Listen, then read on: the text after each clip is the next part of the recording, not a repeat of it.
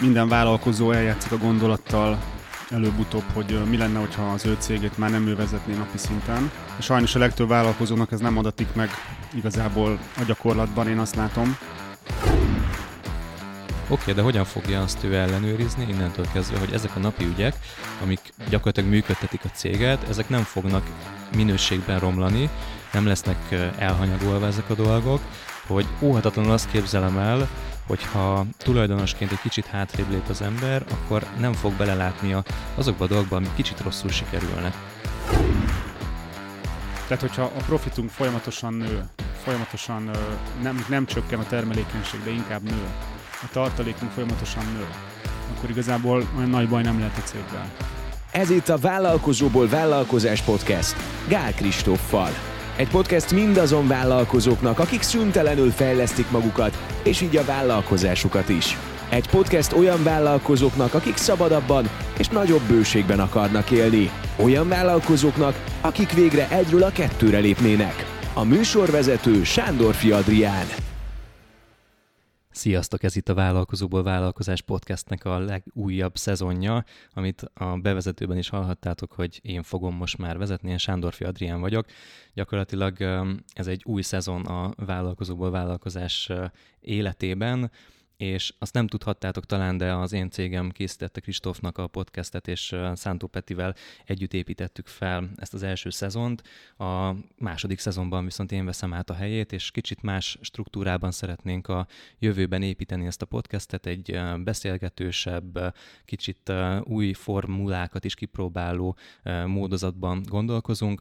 Vendégek is lesznek reményeink szerint, illetve majd megmutatunk akár ügyfeleket is Kristóf életéből, úgyhogy egy csomó tervünk van, múltkor beszélgettünk Kristoffal erről egy kávé mellett, úgyhogy én nagyon izgatott vagyok.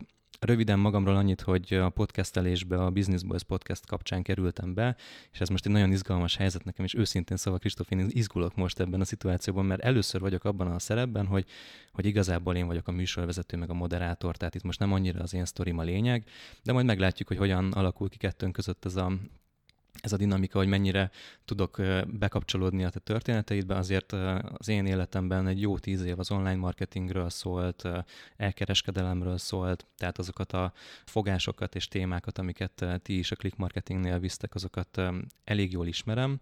Nekem is van egy marketing ügynökségem, illetve hát a podcast gyártásban a Brocasters csapatát én hoztam létre, és gyakorlatilag mi így találkoztunk. Az egésznek pedig a Business Boys podcast volt a háttere.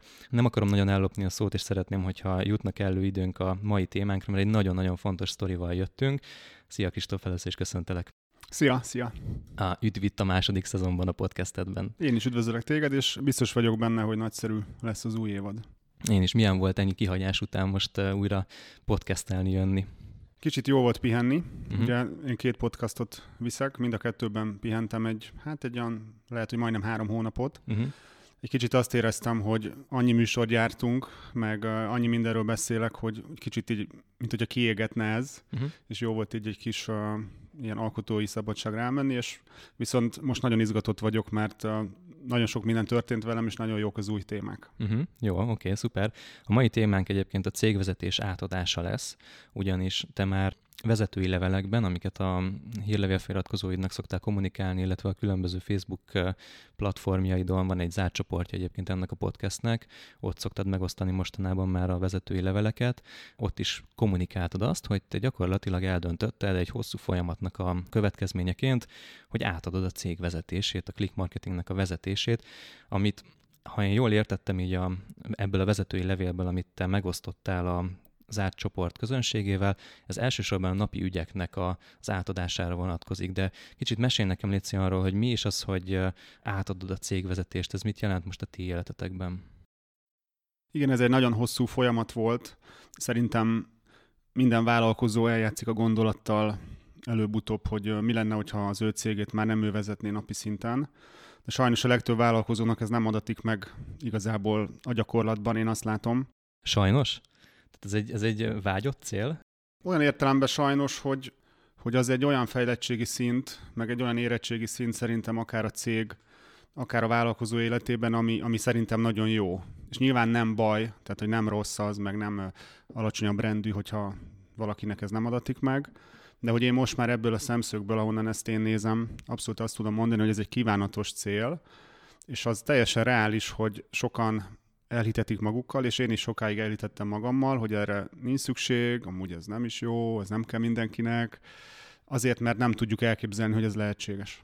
Ez egy ilyen ego kérdés is lehet, nem? Tehát, hogy a, nem tudom, az elmúlt tíz évben valószínűleg eléggé hozzá égett a személyiségedhez, hogy te napi szinten vezeted a click marketing csapatát, nagyon sok ügyféllel kommunikálsz, valószínűleg te vagy az arca is ennek a cégnek, és most hirtelen le kéne hámozni magadról ezt a bört. Itt voltak azért már ilyen hámozások, uh-huh. ilyen 13-14 körül volt az a szint, amikor nekem még voltak ügyfeleim, és ott kellett leadni az utolsó ügyfeleimet. Ott volt egy ilyen nagy változás, hogy azt megérteni, meg másokkal is megértetni, hogy ez így végül is működhet. Én már azért nagyon rég nem kommunikálok ügyfelekkel úgy élesben napi szinten, tehát így a frontról azért elég régen kivontam magam, de azt kétségkívül nehéz volt elképzelni, hogy ne én irányítsam a dolgokat. Nekem nem is ez a része volt igazán nehéz, hogy, hogy nem én csinálok mindent, vagy nem én hozok meg minden döntést, hanem azt elhiggyem, hogy ez akár anyagilag, akár HR szempontból, tehát van-e olyan ember, aki erre képes, én ezt el tudnám engedni, hogyan lenne ez az egész, tehát egy ilyen bizonytalanság volt inkább az egészben, nem az, hogy én annyira mindent én akarok csinálni, és nem tudom elképzelni, hanem egyáltalán az, hogy ez lehetséges-e. Mi volt a szándék alapja igazából? Miért jött ez a gondolat? Tehát ugye azt mondod, hogy vágytál valahogy erre, az, erre a változásra, kicsit féltél is tőlem, de egyáltalán miért jutott eszedbe? Az volt bennem, hogy azért azok a cégek, ahol van cégvezető, aki már nem a tulajdonos, hogy azért az olyan menő. Mármint nem úgy menő, hogy most ezzel kell jaszkarizni, hanem hogy az egy olyan szint, ami, ami tényleg egy más, más dimenzió szinte. Uh-huh. Akár hogy anyagilag megteheti a cég, akár az, hogy a vállalkozó fejbe ezt meg tudja ugrani, stb. stb. Nem volt semmi, meg nincs is most sem semmi olyan konkrét célom, hogy most akkor én nem tudom, csak egy napot fogok dolgozni hetente ezután, vagy hogy mit fogok csinálni, hanem egyszerűen nekem ez egy természetes fejlődési út hogy a cégnek a következő szintje az, hogy legyen egy cégvezető, vagy egy operatív vezető. Ez külön érdekes kérdés, hogy, hogy most hogy hívjuk ezt az embert, és ez nekem is reálisan egy ilyen gyakorlati kihívás volt, hogy egyáltalán mit kell mondani, hogy ez operatív vezető, vagy cégvezető, vagy ügyvezető, és ezen így simán le lehet akadni, hogy, hogy ezen gondolkozunk fél évig, de ezen szerintem túl kell ugrani. Nekem azt jelenti ez, hogy napi dolgokból megpróbálok teljesen kiszállni, nemrég hallottam egy olyan megfogalmazást, ami nagyon tetszett és nagyon ideillik, hogy az olyan cégeknél, ahol a tulajdonos még úgy benne van a cég működésében, de már van egy cégvezetőszerűség, hogy a felállás az általában az szokott lenni, és nálam is az lesz, hogy a cégvezető felel a jelen problémáiért, a jelen kihívásaiért, ezeket oldja meg, és a, a tulajdonos, aki még a cég körül van, az pedig a jövő kihívásain, a jövő problémáin dolgozik, és mutatja az utat, és húzza előre a céget. És nálunk is pontosan ez lesz. Az nem korlátozza szerinted ennek a cégvezetőnek így a karrierjét, meg a személyiség fejlődését, hogy ő be van egy kicsit szorítva abba a keretbe, hogy a jelennel kell foglalkoznia? Mert hogy alapvetően egy cégvezetőnek a kettőt valahogy össze kell hangolnia, hogyha ez egy személyben áll össze. Inkább úgy mondom akkor, hogy a jelen és mondjuk a nagyon közeli jövő, tehát hogy, hogy a, a közvetlen dolgokkal kell foglalkoznia, én pedig inkább távlatibb dolgokkal foglalkozom. Abszolút nem gondolom ezt korlátnak. Nyilván ez, ezt úgy kell nézni, hogy olyan ember kell választani, aki, aki abban komfortos, hogy, hogy működtesse a céget. Ez is egy másik nézőpont lehet, hogy hogy a cégvezető fogja működtetni a céget, én pedig fogom fejleszteni, meg tovább építeni. Nyilván a működtetés sem egy vegy tiszta működtetés, nyilván mondjuk inkább azt, hogy 80% működtetés, 20% fejlesztés, én pedig mondjuk 80% fejlesztés, 20% működtetés, talán így életszerűbb. Te melyiket szereted jobban csinálni most? Most, ha jól sejtem, ez egy kézben van nálad, a cégvezetés és a jövővel való foglalkozás. Mi az, ami téged jobban motivál vagy inspirál? Azt tanultam erről egy néhány évvel ezelőtt, hogy két típusú hát ilyen vezető van, és igazából ez a két típusú vezetés minden cégben ott van, maximum nem vesszük észre, vagy lehet, hogy egy emberben. Van ez a vizionárius, aki nézi, hogy mi legyen, vannak ötletei, megy előre, építi az utat, diktálja a tempót, és van az inkább a menedzser karakter, aki pedig a, működteti végül is azt, ami van. És azért már jó ideje ez a menedzser karakter ki lett magamból valamennyire szervezve, hiszen eddig is volt már azért vezetői, néhány vezető a, a cégben, meg nagyon jók a folyamataink, tehát azért nem azt kell elképzelni, hogy most ez egy ilyen ez egy ilyen fekete-fehér váltás lesz, hogy eddig mindent én csináltam, most meg semmit nem én fogok. Tehát most is már nagyon jól állok szerintem a legtöbb vállalkozóhoz képest, csak még egy szintet erre ráteszünk, hogy, hogy napi ügyek ne jussanak egyszerűen el hozzám. Nem azért, mert nekem mondjuk ez derogál, hanem egyrészt nincs értelme, leterheli a, a szellemi kapacitásaimat, és hogy nem tudok egyszerűen jobb döntést hozni ezekben a napi ügyekben, mint ahogy tudna más is, hogyha ki lenne erre képezve, és lenne neki felelősség adva. Szerintem sok olyan tulajdonos és egyben cégvezető, egy személyben tulajdonos és cégvezető fejében fordul meg ekkor a gondolat, hogy oké, de hogyan fogja azt ő ellenőrizni innentől kezdve, hogy ezek a napi ügyek, amik gyakorlatilag működtetik a céget, ezek nem fognak minőségben romlani, nem lesznek elhanyagolva ezek a dolgok, hogy óhatatlanul azt képzelem el, hogyha tulajdonosként egy kicsit hátrébb lép az ember, akkor nem fog belelátni azokba a dolgokba, amik kicsit rosszul sikerülnek, hogy nem, nem merülhet fel az, hogy az a minőség, amit te elképzeltél, és amit eddig fenntartottatok, az pont azért sérülhet, mert hogy te nem látsz rá annyira. Ez egy reális félelem. A mai eszemmel azt mondom, hogy szerintem létezik az a felállás, hogy ne romoljon egyáltalán a cégnek a, a színvonala, sőt, már azt is el tudom képzelni, ez mondjuk elég új, hogy ezt el tudom képzelni, hogy akár jobb is lehessen, mint amíg én vezettem, egyszerűen azáltal, hogy annyival nagyobb erőforrást tudunk rátenni ezekre a dolgokra, mint amit én egyedül eddig tudtam, hogy valakinek mondjuk az lesz a dolga, hogy a minőség biztosítással foglalkozzon, vagy hogy csak az a feladata, hogy a céget vezesse, nem lesz rajta semmilyen más kalap, tehát nem lesznek más posztjai, mint ahogy nekem van 30 dolog, amit csináltam egyszerre, hanem van, aki csak arra figyel, hogy mondjuk rendben menjenek a meetingek, rendben legyenek az emberek, stb. stb. Tehát ez abszolút elhárítható veszély, de azért nyilván ez veszély, és ezen nagyon sokat kell dolgozni, hogy ez rendben legyen. Egyébként én, mint tulajdonos, úgy tudom ezt kordában tartani, azt hiszem, és lehet, hogy oltatlanul ilyen mikroszinten akár elképzelhető, hogy van egy ilyen állandó hanyatlás. Azt hiszem, ezt egyébként a fizikában talán entrópiának hívják, hogy így minden elkezd hanyatlani, hogyha így magára hagyjuk. De hogyha én a megfelelő pontokon mindig beavatkozok, és egy kicsit újra töltöm a rendszert, akkor mindig így vissza húzgálni, és, és akkor tulajdonképpen csökkenés szerintem nem lesz, de még azt mondom, hogy tényleg növekedés is lehet. Én amikor azt mondod, hogy a jövővel fogsz foglalkozni, valahol ezt is látom benned, hogy, hogy monitorozod majd azokat a folyamatokat, ami az alapműködéshez kell, de hogy azok legyenek hatékonyabbak hosszú távon. Tehát, hogy nem feltétlenül úgy képzelem el, aztán majd javíts, hogyha tévedek, hogy a jövő az, hogy, hogy nem tudom hány piacra fogsz kilépni, meg nem tudom hány nyelven fogjátok a click marketinget csinálni, ez biztos valahol része lehet ennek, de hogy a jövő tervezése az is, hogy a már meglévő folyamatok hogyan tudnak jobbak lenni, nem?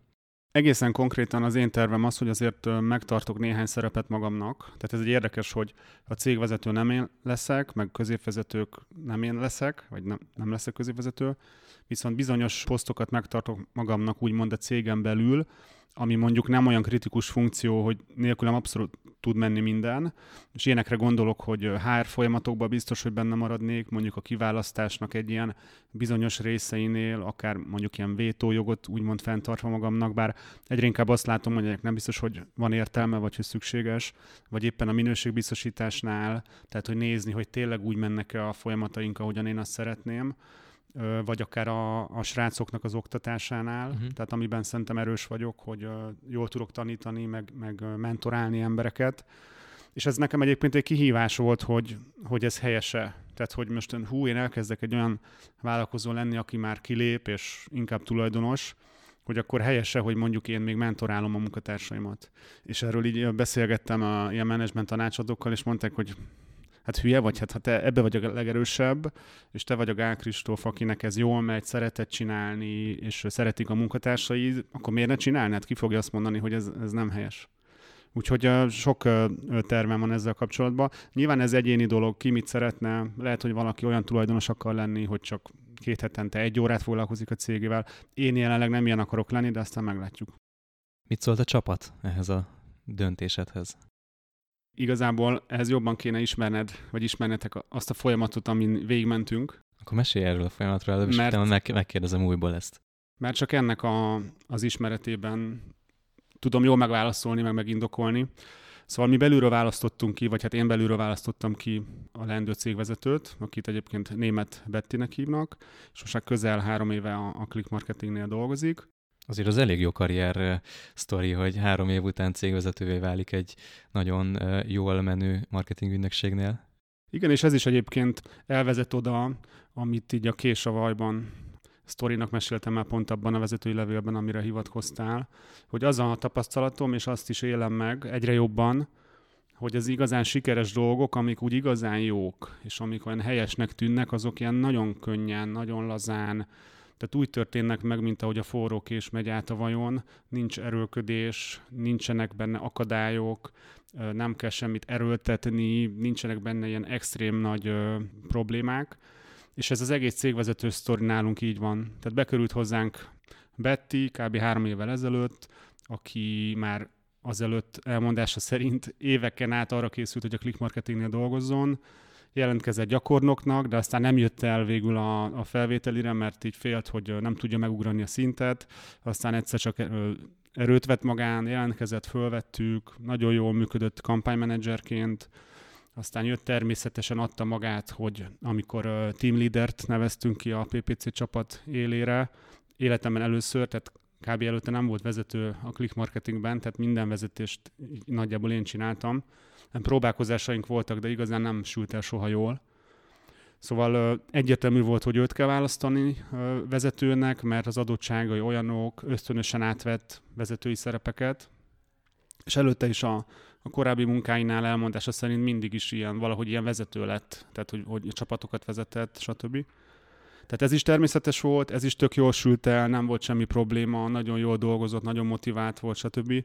És amikor jött ez a cégvezetés ötletem, egyébként tavaly, tehát 2020 év elején merült fel először úgy, hogy, hogy erről beszélek, hogy majd a click marketingnek lesz cégvezetője, de akkor még abszolút uh, teljesen irreálisnak gondoltam, csak mivel egy menedzsment tanácsadó úgy kilátásba helyezte, hogy ha mindent jól csinálunk, akkor előbb-utóbb ez, ez játszhat ez az opció, hogy lesz cégvezetőnk, de akkor jó, felírom, majd lesz, aztán majd meglátjuk. De aztán jött a Covid, és az elsodort ezeket a terveket, és uh, idén, tehát 2021 tavaszán gondoltam először úgy erre a témára, hogy oké, okay, ez reális. Tehát, hogy ez, ez, ez tényleg ez meg fog tudni történni, hogy lesz cégvezetőnk, mert én készen állok rá, vagy nagyon hamarosan készen fogok állni rá, anyagilag rendben vagyunk, és uh, vágjunk bele. Ezt a harmadszor mondod már, hogy anyagilag is megalapozott az, hogy cégvezetést átadj. Ez, ez mit jelent? Most, hogyha kívülről hoznál egy embert a, a piacról, akkor át tudom képzelni, hogy rögtön kb. egy olyan fizetéssel kell felvenni valakit, mint amennyit te keresel, vagy amennyit magadnak adsz havi juttatásként, de azért belülről kinevelve ez nem feltétlenül ugyanez. Tehát a ti esetetekben mit jelentett ez, hogy anyagilag is biztonságos a helyzet ahhoz, hogy átadhasd? Anélkül, hogy nyilván konkrétumokról beszéljünk, azért ha valaki elképzeli, hogy, hogy ez, a, ez a cégvezetés milyen felelősséggel jár, milyen kompetenciákkal, mekkora lehetőségekkel, tehát hogy anyagilag mondjuk a cégnek milyen lehetőséget biztosít az, hogy nekem nem operatív dolgokkal kell foglalkoznom.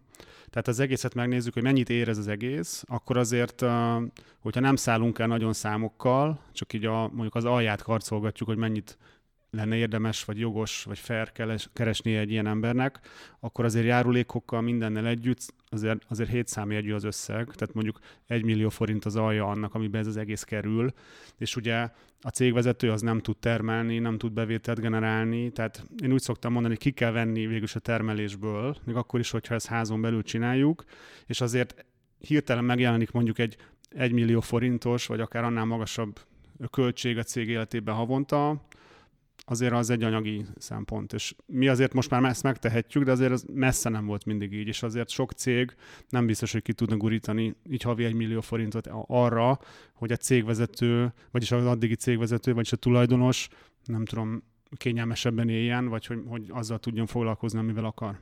Igen, viszont ha másik oldalról nézzük, akkor meg kap a cégetek egy olyan vizionáriust, aki ideje 80%-ában a fejlesztéssel tud foglalkozni, ami meg nem tudom, egyébként kiszámoltátok-e az említett menedzsment tanácsadóval, de hogy ez egészen biztosan már akár középtávon látható bevétel növekedéssel is fog járni, hogy te más szerepben leszel. Persze, ez világos. Ez is egy fejben megugrandó szint, hogy én ezt így Mert ezt így elméleti szinten nyilván nagyon könnyű elmondani, hogy hát ez igazából biztos, hogy megéri.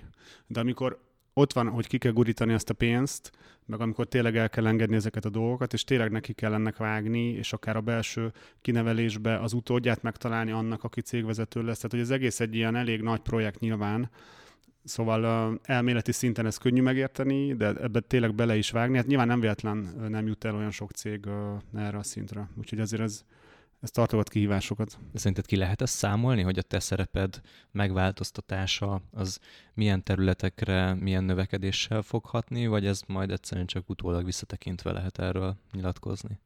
Szerintem ez egy olyan téma, ami egyébként sok más témára is igaz már egy bizonyos szinten, hogy ezeket szinte lehetetlen kiszámolni előre, meg nem lehet ezt így összerakni egy költségvetésbe, ezt inkább így érezni lehet. Tehát én is az a jó kifejezés, hogy, hogy érzem, hogy ez brutálisan meg fogja érni, hiszen ha már most, ahogy érzem, hogy szabadul fel, úgymond szellemi kapacitásom másokon gondolkozni, hogy már hogy jönnek az ötletek, és hogy ezek az, nem csak, hogy jönnek olyan ötletek, amik eddig nem, mert eddig is jöttek ötletek, hanem realitást kap az, hogy ezeket meg is tudjuk csinálni. Hiszen én kitalálok valamit, és oda tudom adni egy csapatnak, aki ezt nagy részt meg tudja valósítani. És ugye eddig ezek a, az ötletek nem tudtak megvalósulni, mert hát a napi működés elvitte a, akár a szellemi, akár bármilyen erőforrásunkat. Tehát ez egyértelmű brutál megéri, de ezt szerintem, ha előre ki akarod matekozni, azt azért nem lehet. Kicsit mesélsz nekem azokról a projektekről, amiket így emiatt kapacitásotok lesz megvalósítani? Most nem feltétlenül nagyon titkos dolgokra vagyok kíváncsi, hanem akár ilyen kis kategóriákra gondolok, vagy tehát most például van egy gondolat a fejembe, hogy például nemzetközi piacra lépés. De hogy ilyesmi dolgokat tudsz mesélni, hogy mi az, amit viszont innentől te már tudod, hogy vinni fogsz? Új termékek bevezetése például, nem főleg szolgáltatásokra gondolok, de egyébként termékeket is akarunk csinálni, digitális tananyagokat, vagy fejleszteni az eddigi szolgáltatásainkat, még jobban képezni a munkatársakat, még nagyobb kontrollt tenni dolgokra, jobban mondjuk árazni. Tehát igazából minden olyan, ami már egy ekkora cégnél, ugye most már idén ilyen 200 millió fölött lesz a, a nettó árbevételünk, meg közel 20 vagyunk, 150 ügyfelünk van. Tehát ezeknél a méreteknél már így elkezd az nagyon érdekes lenni, hogy így finom hangolgatunk dolgokat, és ilyen kis reszelésekből ilyen több millió forintok kieshetnek mondjuk bevétel, vagy akár profit szintjén.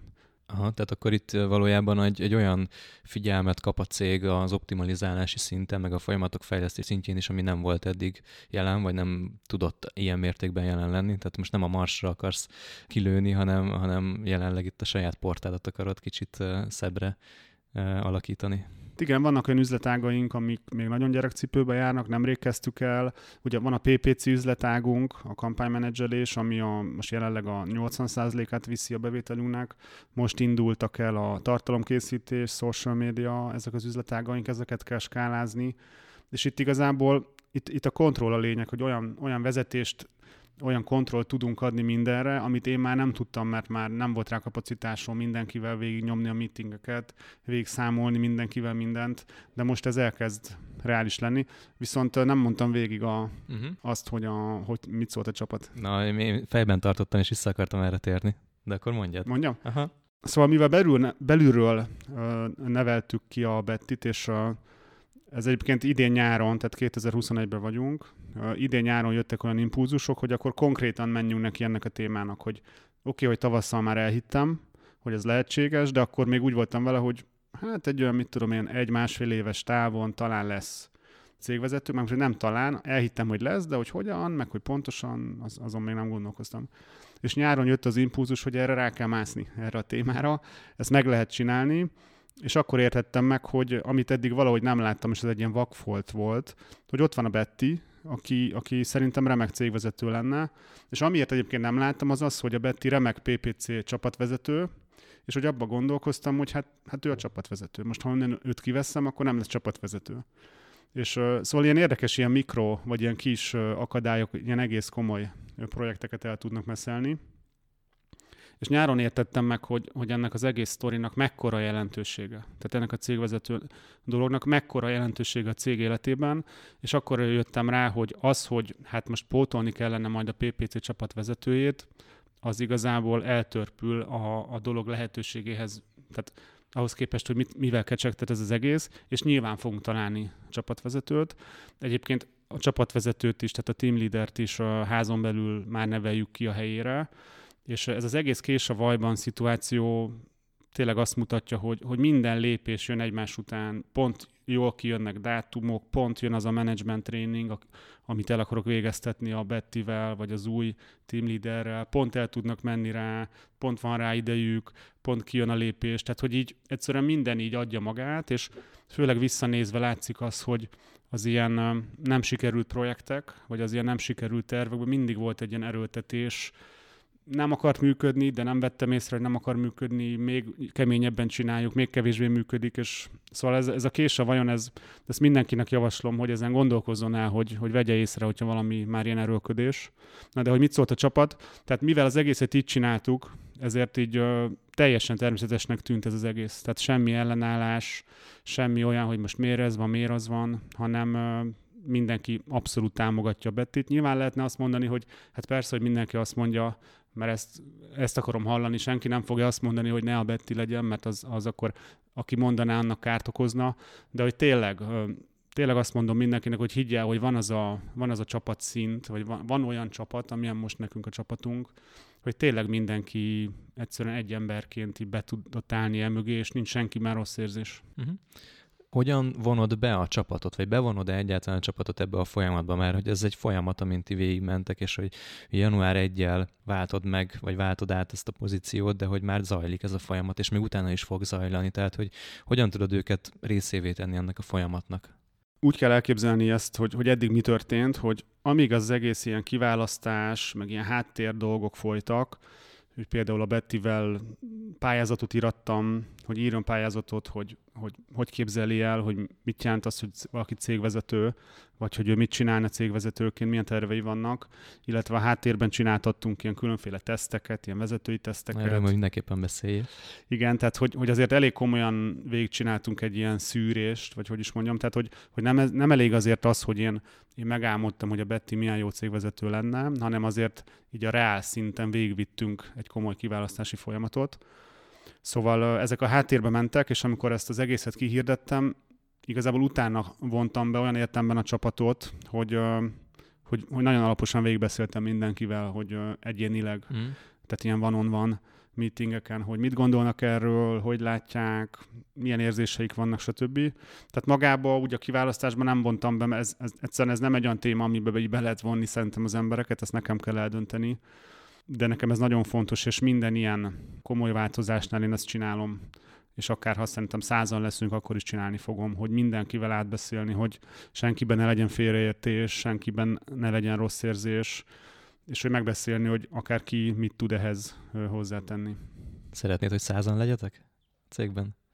Most még nem tudom elképzelni, Aha. De, de nyilván ez, hogy cégvezetőt nevelünk ki, ez az, ez az egyik lépés afelé, hogy ez reális legyen. Uh-huh.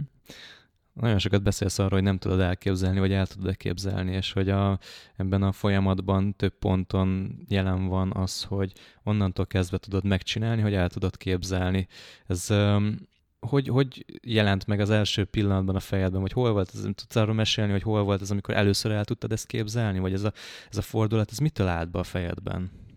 Ugye ez idén tavasszal volt, tehát 21 tavasz, Nekem mindig vannak ilyen, vagy nagyon gyakran vannak ilyen, ezt ilyen Satori pillanatnak szoktam nevezni, ami a Satori azt jelenti, hogy ez egy japán szó, vagy kifejezés, és ilyen, ilyen hirtelen megérteni valamit, vagy így hirtelen megvilágosodni. Most nyilván ez nem... leesik a tantusz. Hát ez a leesik a tantusz, igen. igen. Hogy, hogy akár ilyen nagyon-nagyon komplex dolgokat, amikkel nagyon régóta gondolkozol, így paff, így hirtelen egy másodperc alatt megérted, mint hogyha így a, nem tudom, lehívnád egy ilyen közös tudásból a, a megoldást. És akkor nekem volt egy ilyen pillanatom, hogy így basszus, hát me- meg vagyunk. Tehát, hogy van rá pénze a cégnek, én tökre el tudnám képzelni, mert lenne akár más dolog, amit csinálnék, vagy máshogy csinálnék a cégben, és hogyha tovább akarjuk a céget fejleszteni, akkor ez egy elkerülhetetlen pillanat.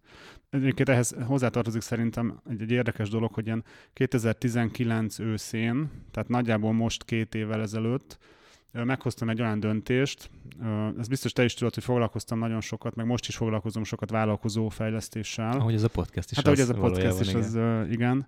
Tehát és próbálok vállalkozókat inspirálni, meg segíteni őket, hogy ügyesebben vállalkozzanak. És én ezt nagyon keményen toltam olyan 2017 elejétől, hát ezek szerint olyan 2019 őszig ugye rendezvényeket tartottam, több könyvet írtam, stb. Mellette vittem a click marketinget, és egyébként 2019 nyarán lettem apuka, és ott nagyon gyorsan ez nekem így változásokat hozott, hogy rájöttem, hogy, hogy három ilyen nagy életterületet, hogy egy, egy akkor is már 100 milliós, tizenvalahány fős céget vinni, ezt az egész missziót, ami a vállalkozó fejlesztés vinni, meg hogy a családot vinni idézőjelbe, hogy ez így, ez így nem megy, vagy legalábbis én ezt így nem akarom csinálni, hogy elkezdtem egy ilyen nyomást érezni magamon.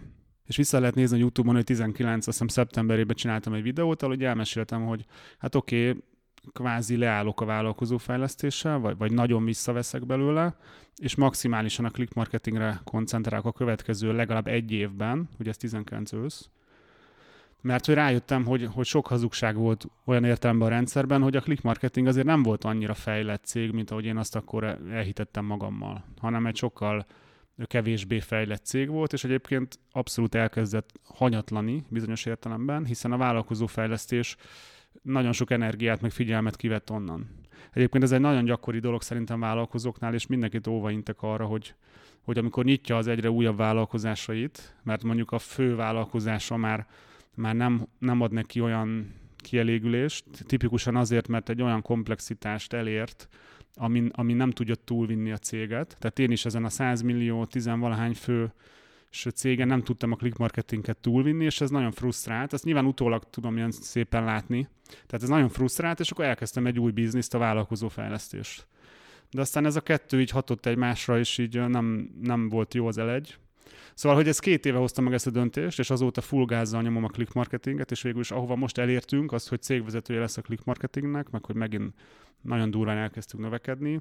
Azért ez ennek a két éves munkának a, a, az eredménye, és egyébként az a tervem majd a jövőre nézve, hogy azért a, a vállalkozó fejlesztést megint új erőkkel csináljam, de már úgy, hogy mögöttem tényleg egy nagyon-nagyon stabil, megalapozott, nagyon klassz cég van. Tök jó, jól hangzik. Beszéljünk egy kicsit ilyen gyakorlatibb dolgokról, tehát hogy, hogy ez egy folyamat, ugye, amit beszéltünk, a, ez a cégvezetővé kinevezése a Bettinek. Amikor te ezt eldöntötted, akkor onnantól milyen lépései voltak, és most még előtted milyen lépései vannak annak, hogy ezt az egész folyamatot jól megcsináljátok? Kicsit így a, a feladatokról beszéljünk, hogy mi mindent kellett átlépni, megugrani, kitalálnod, eldöntened. Elmesélem, hogy nagyjából mi történt eddig, és szerintem az a, az a legértekesebb. A nyár közepén voltam egy ilyen többnapos ilyen vezetői tréningen, ilyen management tréning, ahova már eleve én azért mentem, mert azt egy, egy olyan cégvezető, illetve cégtulajdonos tartotta, akinek olyan, tehát egy olyan cégnek így a, a vezetői, meg tulajdonosi gárdája tartotta, amilyen céget én is akár szeretnék, tehát egy 50 fős, nagyon magas árbevételű cégvezetővel rendelkező vállalkozás. Én oda már azért mentem, hogy, hogy úgymond egy térben legyek olyan emberekkel, akik ezt megugrották, és hogy tudjak tőlük kérdezni, stb. De ezek szerintem nagyon sokat számítanak abban, hogy el tud hinni, amit el akarsz hinni, vagy amit éppen még nem tudsz elhinni, és te akkor beletetted magad olyan helyzetekbe, ahol szembesülhettél azzal, hogy vannak olyan emberek, akik már meglépték azt, amit te még nem hiszel el. Ez is akkor, ha jól értem, akkor itt triggerelte benned, így elő, előre mozdította benned azt, hogy igazából ez, ez a hit megszülessen. Jól Igen, ugye a hit megszületett tavasszal, mondjuk azt hiszem május környékén, ez július elején volt ez a, ez, a, ez a tréning, és ezen a tréningen született meg az a döntés bennem, hogy akkor konkrétan elkezdjük. Tehát ugye most ez nem volt, mit tudom, összesen pár hónap ezelőtt igazából. Itt nyár elején én még azt mondtam magamnak, hogy ha ez egy-másfél éven belül megtörténik, az tök jó. Hmm. Tehát, hogy nem kell kapkodni, azért ezen végig kell menni. És és nyár közepén megkaptam ezt az impulzus, hogy akkor erre full menjünk rá, és hogy amúgy az is, ez az információ is megérkezett valahogy a fejembe, hogy végülis a Betty tök alkalmas lenne erre, és ott, ott erről a tréningről az egyik ilyen előadás közben én a céges csetre, Slack-et használjuk ilyesmire, tehát beírtam a céges csetre, hogy, hogy oké, okay, elkezdjük a cégvezető kiválasztást. Egyébként a munkatárs, ez fontos egyébként, hogy a munkatársaim azért hónapok óta azt már hallgatták tőlem, hogy, hogy ez meg fog történni, hogy, hogy hamarosan, jövőre ez téma lesz, hogy uh, jó lenne egy cégvezetőt bevonni, és én már ezt előre elkezdtem neki kommunikálni, hogy ez nem para, nem azt jelenti, hogy én el fogok tűnni, hanem az operatív részét átveszi majd valaki a vezetésnek, ez mindenkinek sokkal jobb lesz. Ez is szerintem nagyon fontos ezt folyamatosan kommunikálni, és nálunk ez nagyon rendben van, tehát nagyon szeretik is a munkatársaim, hogy, hogy nagyon tra- transzparensen működünk. Tehát, hogy, hogy mindig én, én kimondom, amire gondolok, meg a terveimet, hogy lássák, hogy ne, ne csak úgy azt érezzék, hogy megtörténnek velük a dolgok, hanem hogy úgy részesei a, a srácok az eseményeknek. Tehát ez nem egy ilyen mennyből a villámcsapás volt, de az igen, hogy oké, okay, akkor kezdjük el. És az a chatbeírás, ez az volt, hogy, hogy azt tanultam erről, hogy a legjobb lenne házon belül kinevezni valakit, de egyébként ez nagyon érdekes, hogy folyamatosan azt kommunikáltam, mert ezt az eddig is, vagy előtte is tudtam, hogy a legjobb lenne házon belül, de ha nem lesz olyan, akkor majd hozunk valakit. És én ebben mindig nagyon óvatos vagyok, hogy, hogy úgy kommunikálni erről, hogy így, hogy, hogy semmit se túlbeszélni, vagy esetleg valakivel elhitetni, vagy célozni valamire, hanem úgy, úgy beszélni erről, hogy később bármilyen döntés ne legyen ciki, vagy, vagy furcsa. Szóval nem volt, nem volt meglepő ez a, ez a bejelentés, és az volt bennem, hogy beírtam a csetre, hogy na akkor akit érdekel, az írjon rám a cseten. És az volt bennem, hogy ha ez a kés a vajon sztori ez működik, akkor ennek a következő lépése az lenne, hogy akit én kinéztem, az mondjuk egy órán belül rám ír. És igazából a Betty tényleg rám írta egy órán belül, most lehet, hogy másfél óra, de hogy, hogy nagyon gyorsan, tehát nincs az, hogy másnap meg este, hanem amire vége lett mondjuk annak a napnak, addigra biztos, hogy ott volt, hogy őt akkor érdekli, és majd beszéljünk róla. A következő lépés az volt, hogy pályázatot kell csinálni. Ezt egyébként én is tanultam, és ez is a része volt a játéknak, hogy, hogy aztán elmentem újra a szokásos menedzsment tanácsadómhoz, hogy ezt hogy csináljuk, és ő mondta, hogy mindenképp pályázni kell, meg egyébként a tréningen is azt tanultam, hogy mindenképp pályázni kell, hogy írja le az illető, hogy, hogy mit csinálna cégvezetőként, milyen tervei vannak, mit tud vállalni, és ez nagyon érdekes, hogy itt például azt kell keresni, hogy milyen konkrétumokat tud írni. Tehát, hogy nem azt írni, hogy, hogy majd, nem tudom, jobbá tesszük a csapatot, meg milyen jó lesz, tehát, hogy ilyen, ilyen általánosságok, hanem azt mondani, hogy nem tudom, csökkentjük a kintlévőségünket, nem tudom, több van-on-van meetinget csinálunk, akár egy helyet kettőt, tehát hogy, hogy konkrétumokat írjon, mert, mert arra lehet, tehát abból ezen keresztül lehet jól látni, hogy tényleg képes helyesen gondolkozni. És egyébként ez szintén a játék része, hogy, hogy én nem mondtam meg, hogy mit értek pályázat alatt, hanem az is a játék része, hogy ő mit ért pályázat alatt. Tehát, hogy, hogy mit gondol erről. Szóval, hogy bejött a, a Betty pályázat, az rendben volt, csináltunk még ilyen fordulókat, hogy ezt meg ezt javítsd ki benne. Ez is érdekes, hogy ez nem egy ilyen élet-halál küzdelem, meg hogy ez nem egy ilyen vizsga, hogy most ha elsőre nem jó, akkor elkaszáljuk, hiszen ha én azt gondolom, hogy ő alkalmas, akkor ugye nekem segítenem kell őt abban, hogy erre alkalmassá váljon, hiszen jelen pillanatban lehet, hogy nem alkalmas, csak benne van a potenciál. Szóval segítettem neki egy jó pályázatot elkészíteni, és utána elkezdtük ezeket a, az ilyen személyiségteszt lépéseket. Ezt kifejted egy kicsit akkor, hogy így mit néztetek, vagy mit néz egy ilyen személyiségteszt ilyenkor? Sokféle ilyen teszt lehet. Mi is egyébként többfélét használunk akár a, a úgymond a külső kiválasztásban, amikor embereket toborzunk ilyen belsőt még soha nem csináltam. Tehát ez is érdekes, hogy, hogy nehogy azt higgye valaki, hogy ez olyan, hogy nem tudom, ez egy ilyen kész tudás, hanem én is így közbe tanulom meg, hogy mit hogy kell csinálni, hiszen hát soha életemben nem neveltem még ki cégvezetőt, még, még majd, hogy nem sima vezetőt se, nem hogy cégvezetőt. Tehát ez egy ilyen érdekes utazás, de szerintem ez is ez is érezteti azt, hogy amikor az ember annyira elszánt, hogy így igazából nem zavar, hogy gőzöm nincs, hogy mi lesz, hanem megyünk előre, mindig a következő lépést lássam, mert annyira motivált vagyok, hogy tudom, hogy ez így rendben lesz. Tehát ha valaki mondjuk nagyon beparázik ilyenektől, hogy jaj, mi lesz, az lehet, hogy annak a jelzése, hogy az, az még nem egy ilyen kés a vajba szituáció például. Tehát mi, ami, amilyeneket mi használunk, az egy ilyen több tesztből álló rendszer, amit egy ilyen tanácsadó cég csinál. Van benne IQ-teszt, van benne ilyen úgynevezett duplikációs teszt.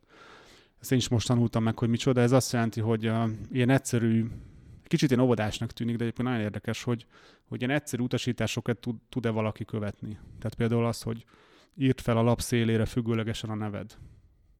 És hogy mondjuk, mit tudom, ilyen öt emberből három nem alapszélére, és nem függőlegesen írja. Tehát, hogy, hogy ez azért érdekes, gondolom, hogy még erről én sem tudok olyan sokat, hogy egyszerűen megcsinálja azt, amit, amit az ember, amit kér, kérünk, és hogy nem lesz az, hogy tök más lesz a kimenete. Hát, hogy, hogy azt a nyelvet beszélitek el, mert hogyha te egy feladatról valamit gondolsz, és ő másképp gondolja ugyanazt, vagy másképp olvassa azokat a szavakat, amiket te egymás mellé tettél, akkor az egy folyamatos konfliktus helyzet lesz. De hogy ez nyilván egyébként a Bettivel ez már így a folyamat során azért kialakult, hogy, hogy értitek egymás nyelvét. Persze egyébként nem gondoltam, nem vártam nagy meglepetéseket ettől a, tehát nem vártam azt, hogy azt mondják, hogy totál alkalmatlan, kicsit ilyen szimbolikusnak is tartom ezt, és tudom egyébként, hogy a munkatársaim is hallgatják ezeket a podcastokat. Innen üdvözöljük a Click Marketing teljes csapatát, sziasztok! Szóval így félve mondom egy kicsit, hogy ezt így eláruljam, de hogy egy kicsit ezek ilyen gyakran szimbolikusak is. Tehát, hogy, hogy nem az van, hogy most én tűkön ülök, hogy úristen, mit fog mondani majd a tanácsadó, hogy jó vagy nem jó, hanem inkább az, hogy egyszerűen ezt csináljuk végig, hogy érezzük, hogy ez tényleg komoly dolog, és, és ennek súlya van. De egyébként persze, ha kijönne rossz eredmény, akkor azt is elfogadnám. Tehát ez nagyon fontos szerintem mindenféle döntésben, hogy nekem van egy elképzelésem, de ha a valóság elkezd más mutatni, akkor, akkor kell, kell tudni váltani, hogy, mert akkor megint egy erőködés lenne. Tehát, hogy, hogy nem jó a teszt, de én végig erőltettem, hogy de nem baj, nem baj, rossz a teszt. Uh-huh. Szóval ez szerintem fontos. Hát meg, ha jól sejtem, egy ilyen teszt meg tud mutatni olyan szituációkban való helytállást is, vagy annak arra való képességet, ami nem biztos, hogy felmerült az eddig együtt töltött idő során, tehát hogy más típusú uh, szituációkban hogyan fog dönteni, és ez az, amit talán három év együtt töltve sem mutat meg feltétlenül, viszont egy személyiségteszt igen, és azért is jó, hogy ezt csináljátok, mert szerintem azoknak, akik ezt elvégzik, azoknak egy nagyon komoly ilyen önismereti visszajelzés szokott ilyenkor lenni, tehát hogy van értelme még akkor is, hogyha nincs akkora tétje a ti életetekben, én például nagyon szeretek ilyen önismereti teszteket kitölteni, és mindig tanulok magamról valami újdonságot, és minél tisztább az ember kép arról, hogy, hogy ő hogyan viselkedik különböző helyzetekben, annál jobban tudja ezeket a helyzeteket irányítani. Úgyhogy ez, ez, egy, ez, ez egy nagyon jó gyakorlat, és most így el is gondolkodtattál, hogy még sokkal jobban a saját csapatomnak az életébe be fogom hozni ezeket a teszteket. Igen, az egyébként önmagában úgymond egy teszt, hogy ki mennyire hajlandó ezekre. Tehát, hogy ki az, aki azt mondja, hogy most mit kell itt tesztelni, ismersz három éve, Igen. mit bóckodunk ezekkel, vagy pedig teljesen természetes, amit mondunk, az lesz, megyünk tesztelni. Szóval van az IQ teszt, volt ez a duplikációs teszt, volt egy személyiségteszt része, ami, mit tudom én, ilyesmiket vizsgál, hogy mennyire magabiztos az illető, vagy mennyire kommunikatív, stb. És van egy negyedik része, amikor a, a tanácsadó így akár egész hosszan, akár én egy-két órába elbeszélget a, az emberünkkel, és mit tudom én, ilyenekre kíváncsi, hogy vannak-e, nem tudom, céljai, hogy mennyire tényleg magabiztos, mennyire lojális a céghez, szituációkban miket reagált, mennyire lehet őszinte, és megmondom őszintén, hogy, hogy, hogy nekem ez elég nagy részben egy kicsit ilyen önigazolás is ez, mármint, hogy nem, nem önigazolás, inkább önmegnyugtatás. Tehát, hogy én, én eldöntöttem, vagy hát részben eldöntöttem, hogy mondjuk a Betty legyen, de hogy valaki külső szemmel ezt igazolja vissza, tehát validálja, talán ez egy ilyen érdekes szó, tehát, hogy igazolja, hogy oké, okay, ez jó döntés mert ez akkora horderei dolgok, hogy azért én rutinosnak gondolom magam, meg tisztán látónak az egy nagy részt, de hogyha egy olyan tanácsadó, akinek ez a munkája, hogy folyamatosan vezetőket próbál úgymond megítélni, vagy, vagy kiválasztani, és ő is azt mondja, akkor aztán tényleg nem lehet probléma. Most csak egy zárójelet nyitnék, és hamarosan be is zárom, hogy, ami nagyon tetszik ebben a beszélgetésben, hogy sokat mesélsz arról, hogy, hogy egyetlen nem úgy tekintesz saját magadra meg a céged életére, hogy te mindent tudsz. Elmondtad azt, hogy milyen tréningekre jársz. Elmondtad azt, hogy kénytelen volt elmenni olyan közegbe, ahol veled együtt hasonlóan gondolkodó, vagy már előrébb tartó emberektől tanulhatsz menedzsment tanácsadóhoz jársz, a kiválasztási folyamatba is bevontál teszteket és tanácsadókat, és hogy ez nekem nagyon szimpatikus egyébként, hogyha ezt így megjegyezhetem a zárójelben, hogy, hogy itt egyáltalán az látszik, hogy te saját magadat egy ilyen bebetonozott személyiségként látod, hanem fejlődni akarsz. És talán ez lehet az egyik ilyen alapja annak, hogy a, azt a 200 milliót el lehet érni, vagy az 50, 50 fős csapatot el lehet érni, meg te könnyebben is tudod hinni, hogy ezt el tudod érni, mert kapsz olyan visszajelzéseket, meg példákat, meg tanításokat, amik jelenleg most hiányoznak ahhoz, hogy tényleg el tud hinni őket.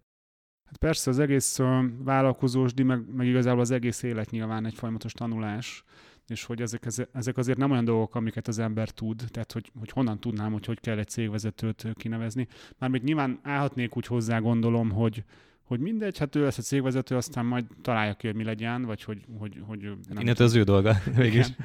Nyilván ezt úgy akarom csinálni, hogy a lehető legkisebb kockázatot hagyni. Tehát nyilván kockázatokat nem lehet teljesen kitörölni, de, de mondjuk a kockázatok legnagyobb részét lehet csökkenteni, tehát például a kiválasztással, az egész. Van egy ilyen program igazából, ami most megyünk végig. Szeptember 1-én, azt hiszem szeptember 1-én jelentettük be a csapatnak, hogy a Betty lesz a cégvezető, és ugye január 1-től lesz ténylegesen ő a cégvezető, tehát egy ilyen négy hónapunk van. Egyébként ez is egy ilyen kés a vajon pont volt, hogy, hogy pont úgy jött ki a döntés, a kiválasztás, a bejelentés, hogy pont még annyi idő van január 1-ig, négy hónap, ami tökre elég ehhez a betanításhoz, és hogy milyen, ez is milyen szépen alakul, hogy pont január 1-től, tehát egy komplet év, nincs az, hogy mondjuk június 15-től, hanem szóval az egész ilyen nagyon szépen alakul.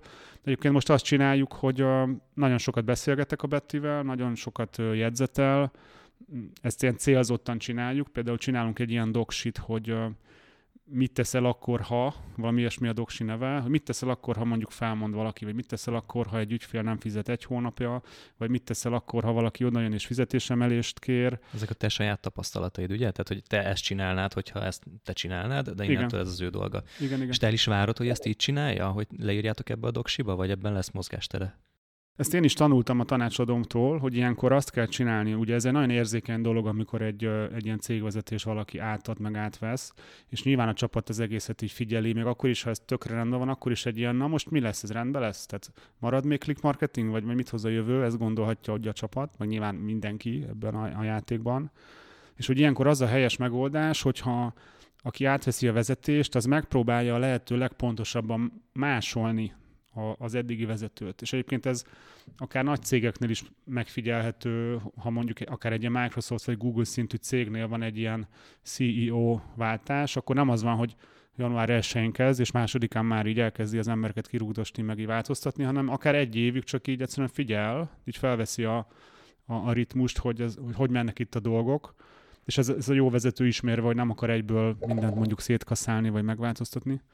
Tehát, hogy, hogy én azt tanultam, és ezt a programot követjük, hogy próbáljuk meg leírni, hogy én milyen vezető vagyok, hogy én miket csinálok, és olyan szinten, ez vicces, de szerintem szimbolikus, hogy ha én minden reggel úgy jövök be az irodába, hogy mindenkinek rácsapok a segére, hogy gyerünk, ma is keményen dolgoz, akkor a Bettinek ezt ugyanúgy csinálnia kell tovább, Aha amíg rá nem jön, hogy esetleg lehet, hogy van értelme, vagy nincs értelme. Mert hogy egyelőre ne okoskodjunk azon, hogy ez jó, nem jó, hanem próbáljunk meg másolni. És ezt, e, ezt próbáljuk belőlem kivenni, hogy vajon én miket csinálok, mert az amúgy azért nem, olyan, nem annyira evidens. Hát abszolút. Ha már önismeretni tartottunk, ez tényleg, hogy saját magadra rálás egy olyan mélységig, hogy, hogy, hogy ezt a lényedet így definiálni tud, az nagyon izgalmas. Igen, ez például egy ilyen, hogyha mondjuk van ilyen jelentős változás, mondjuk elküldünk valakit például, akkor minden munkatársal beszélje végig a, a cégvezető, hogy mik voltak az okok, tehát hogy alaposan elmagyarázni, hogy nehogy az maradjon valakiben, hogy mi nem tudom, szemetek vagyunk, vagy inkorrektek vagyunk, stb. stb.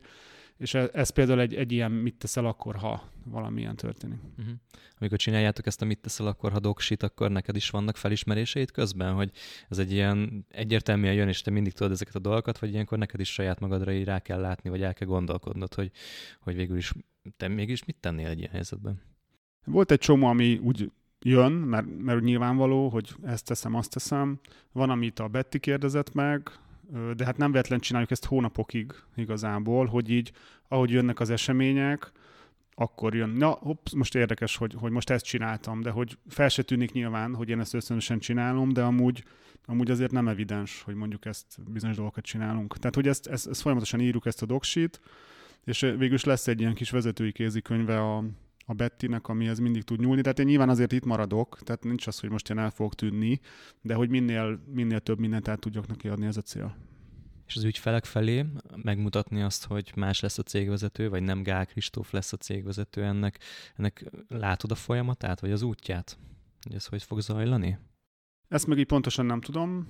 Érdekes, én kicsit ezt így elnagyolom magamba, hogy most mit számít ki a cégvezető, de nyilván kell erről azért kommunikálni, mert, mert konkrétan volt egy ilyen esetünk, hogy egy, egy ügyfél pont ilyen ügyféli vállás folyamatában volt, és akkor posztoltam először arról, hogy, hogy nem én leszek január 1-től a cégvezető, és hogy így, így kaptunk is azt hiszem egy ilyen e-mailt, hogy így a, most akkor mi lesz? Most akkor, ha nem, nem a Kristóf lesz a cégvezető, akkor, akkor most mi lesz a céggel? És hogy, hogy ki lesz helyette, meg hogy lesz?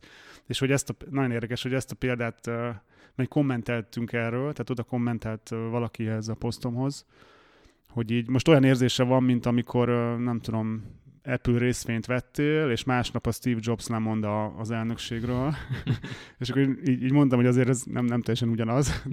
de, de, de kétségtelen, hogy, hogy már mondták a többiek, hogy kaptunk azért ilyen kérdéseket, amikor az ügyfelekkel a srácok beszélnek, hogy fú, olvastam ezt, és most mi lesz. Tehát azt a bizonytalanságfaktort ki kell venni nyilván az ügyfelekből, hogy ne, ne, senki ne gondolja azt, hogy, hogy most bármi más lesz. Sőt, igazából meg tudjuk mutatni, hogy miért lesz jobb ezzel. Csak hát ez nyilván nem evidens, hanem, hanem erről beszélni kell. Oké, okay, nekem igazából egy uh, sztori maradt a fejemben, amit még szeretnék uh, boncolgatni. Azzal együtt, hogy annyi ajtót nyitották ki ebben a beszélgetésben, hogy komplet podcast adások tömkelegét lehetne ezzel megtölteni, úgyhogy én kérnélek is arra, hogy Szerintem érdemes lenne mondjuk negyed évente megnézni, hogy hol álltok ezzel a cégvezetési staféta átadással. Azon túl, hogy engem érdekel, szerintem nagyon sok olyan változás lesz, amit most még nem látsz. Tehát például ez az ügy, ügyfelek felé való kommunikációról lesz mondjuk három hónap múlva, vagy január közepén, végén egy olyan tapasztalatot, hogy na mégis hogy reagáltak, és hogy milyen helyzeteket kellett beírni abba, mit, mit és hogyan csinálunk doksiba, hogy ezt hogyan kezeltétek, vagy hogyan kell kezelni. Viszont amiről szeretnék még mindenképpen beszélni, és rövid az időnk, de erre még hagyjunk egy 8-10 percet szerintem, hogy hogyan lehet mérni egy belülről jött kinevelt cégvezetőnek az eredményességét. Ezt annak fényében is kérdezem, hogy te nagyon nagy hangsúlyt fektetsz a termelékenységi mutatóknak a, a mérésére, és egy cégvezetőnek a termelékenysége az már úgy kicsit olyan nehezen megfogható. Ugye beszéltünk arról, hogy te, mint leendő stratéga vagy vizionárius, a te termelékenységet sem lesz egyértelmű, de ez a helyzet ez szerintem egy, egy olyan dolog, amit még neked is ki kellett valószínűleg találni. Hogyan tudod majd azt a szubjektív szempontokon túl saját magad számára is bizonyítani, hogy jól alakult, vagy jól fejlődik ez a cégvezetési pozícionálatok? Inkább úgy mondanám, hogy ezt most találjuk ki, vagy mi is, vagy most találom ki. Tehát ez is egy példája annak, hogy ezt nem is tudom, kitől hallottam, állítólag egy indiai mondás, hogy, hogy azt mondják, hogy azt tudom, hogy mi lesz, de azt, hogy addig mi lesz, azt nem tudom. Uh-huh. És ez egy tipikus ilyen példa, hogy majd tudom, hogy mi lesz, de hogy addig hogy jutunk el oda, akár honnan fogom ezt megtudni, a, tehát nem tudom minden elemét ennek. Én csak ab, abban van egy nagyon nagy hitem, és ez nyilván nem egy ilyen vakhit, hogy, hogy, hogy ez oké okay lesz, mert hogy, hogy okék az emberek, akik ebben részt vesznek, a Betty, meg az összes többi munkatárs, én is azt gondolom, hogy oké okay vagyok, okék azok, akiktől tanulok, tehát nyilván erre majd lesz valami megoldás. Amit így hozzátennék, hogy, hogy szerintem nem baj az, hogyha van ebbe szubjektív elem, és ez nekem ez nagyon sokáig kihívás jelentett, hogy, hogy, hogy ez a mit szabad és mit nem. Tehát, hogy cégvezetőként vagy tulajdonosként oké, okay, ha ilyen megérzések alapján vezetek, és, és sokáig az volt, hogy hú, ez nem szabad, és hogy az érzések azok nem jók, mindent racionálisan kell tudni. És nyilván nem lehet egy teljes céget azért csak érzelmekből, meg ilyen érzések alapján vezetni, de hogy szerintem nagyon fontos ez a szempont is, hogy azért azt lehet érezni, ha csak nem dobsz el mindent, és azt mondod, hogy mostantól nem én vagyok a cégvezető, most már nem az én felelősségem az egész, de ha ezt érzed, hogy nem igaz, hanem nyilván van felelősséget, akkor egyrészt szubjektíven is érzed. Ami szerintem fontos, és uh, talán jól tudom ezen keresztül érzékeltetni, hogy mi mindig termékben gondolkozunk. Ez a termék az azt jelenti, hogy, hogy mi eredményekben gondolkozunk, tehát nekem mindegy, hogy uh, te kampánymenedzser vagy, és hogy reggeltől estig dolgozol, van-e termék, tehát vannak olyan kampányok, nem is az, hogy kampányok, mert nem működő kampányok az nem jó termék. Tehát a termék alatt azt értem, hogy olyan kampány, ami eléri a célját. És mi minden pozíciónál mindig azt nézzük, hogy mi annak az adott pozíciónak a terméke. Tehát ilyen módon a cégvezetőnek a terméke az egy jól működő cég. Az egy olyan cég, ahol ahol megvannak, a, tehát rendelkezésre állnak a megfelelő emberek, a megfelelő számban, most hülye hangzik, de egy megfelelő minőségben, kiképezve, stb. Vannak ügyfelek, minden jól működik, mondjuk, hogyha nézzük a szervezetet, csak hogy így jobban értsük ezt a termékesít, mert ez szerintem fontos, mondjuk a PPC csapatvezetőnek a terméke, az nem a jó kampányok, hanem a jó csapat. Tehát a jó PPC menedzserek, akik megfelelően ki vannak képezve, megfelelően ki vannak választva, nincsenek túl sokan, de túl kevesen se, és majd a PPC menedzsernek a terméke lesz a kampány. Tehát így áll össze a cég. Tehát ilyen módon nekem azt kell néznem, hogy a cég rendben van-e, de hogy tudjuk ezt nézni. Például ilyen mutatók, mint például a profit, ami, ami nekem egy nagy utazás volt így az évek során, hogy mennyire fontos a profit, és hogy milyen dolog az, hogyha valaki esetleg a profitot tekinti elsődleges célnak. Nekem az most a megértésem ezzel kapcsolatban, hogy nem biztos, hogy jó, ha a profit az egyetlen szempont, de ha nem elsődleges szempont a profit, az viszont gáz, mert akkor előbb-utóbb el fog kezdeni hanyatlani a cég, előbb-utóbb nem lesz kedvem vele foglalkozni, mert nem hoz eleget, nem fogjuk tudni kifizetni az embereket, tehát legyen elsődleges szempont a profit, tehát ez egy nagyon tiszta dolog. De ez már a cégvezető felé is egy elvárásként fogod támasztani? Igen. Azzal együtt, hogy te vagy a, még mindig ott leszel a háttérben, és elég sok döntés mögött te állsz, illetve van egy doksi, amit követni kell, ami alapján ő döntéseket hoz majd eleinte, de mégiscsak akkor a felelősség, a profit felelősség az innentől kezdve a Bettin lesz? Ezt igazából úgy látom, és ami szerintem egy nagyon fontos nézőpont, hogy itt kinek hány százalék felelőssége van miben.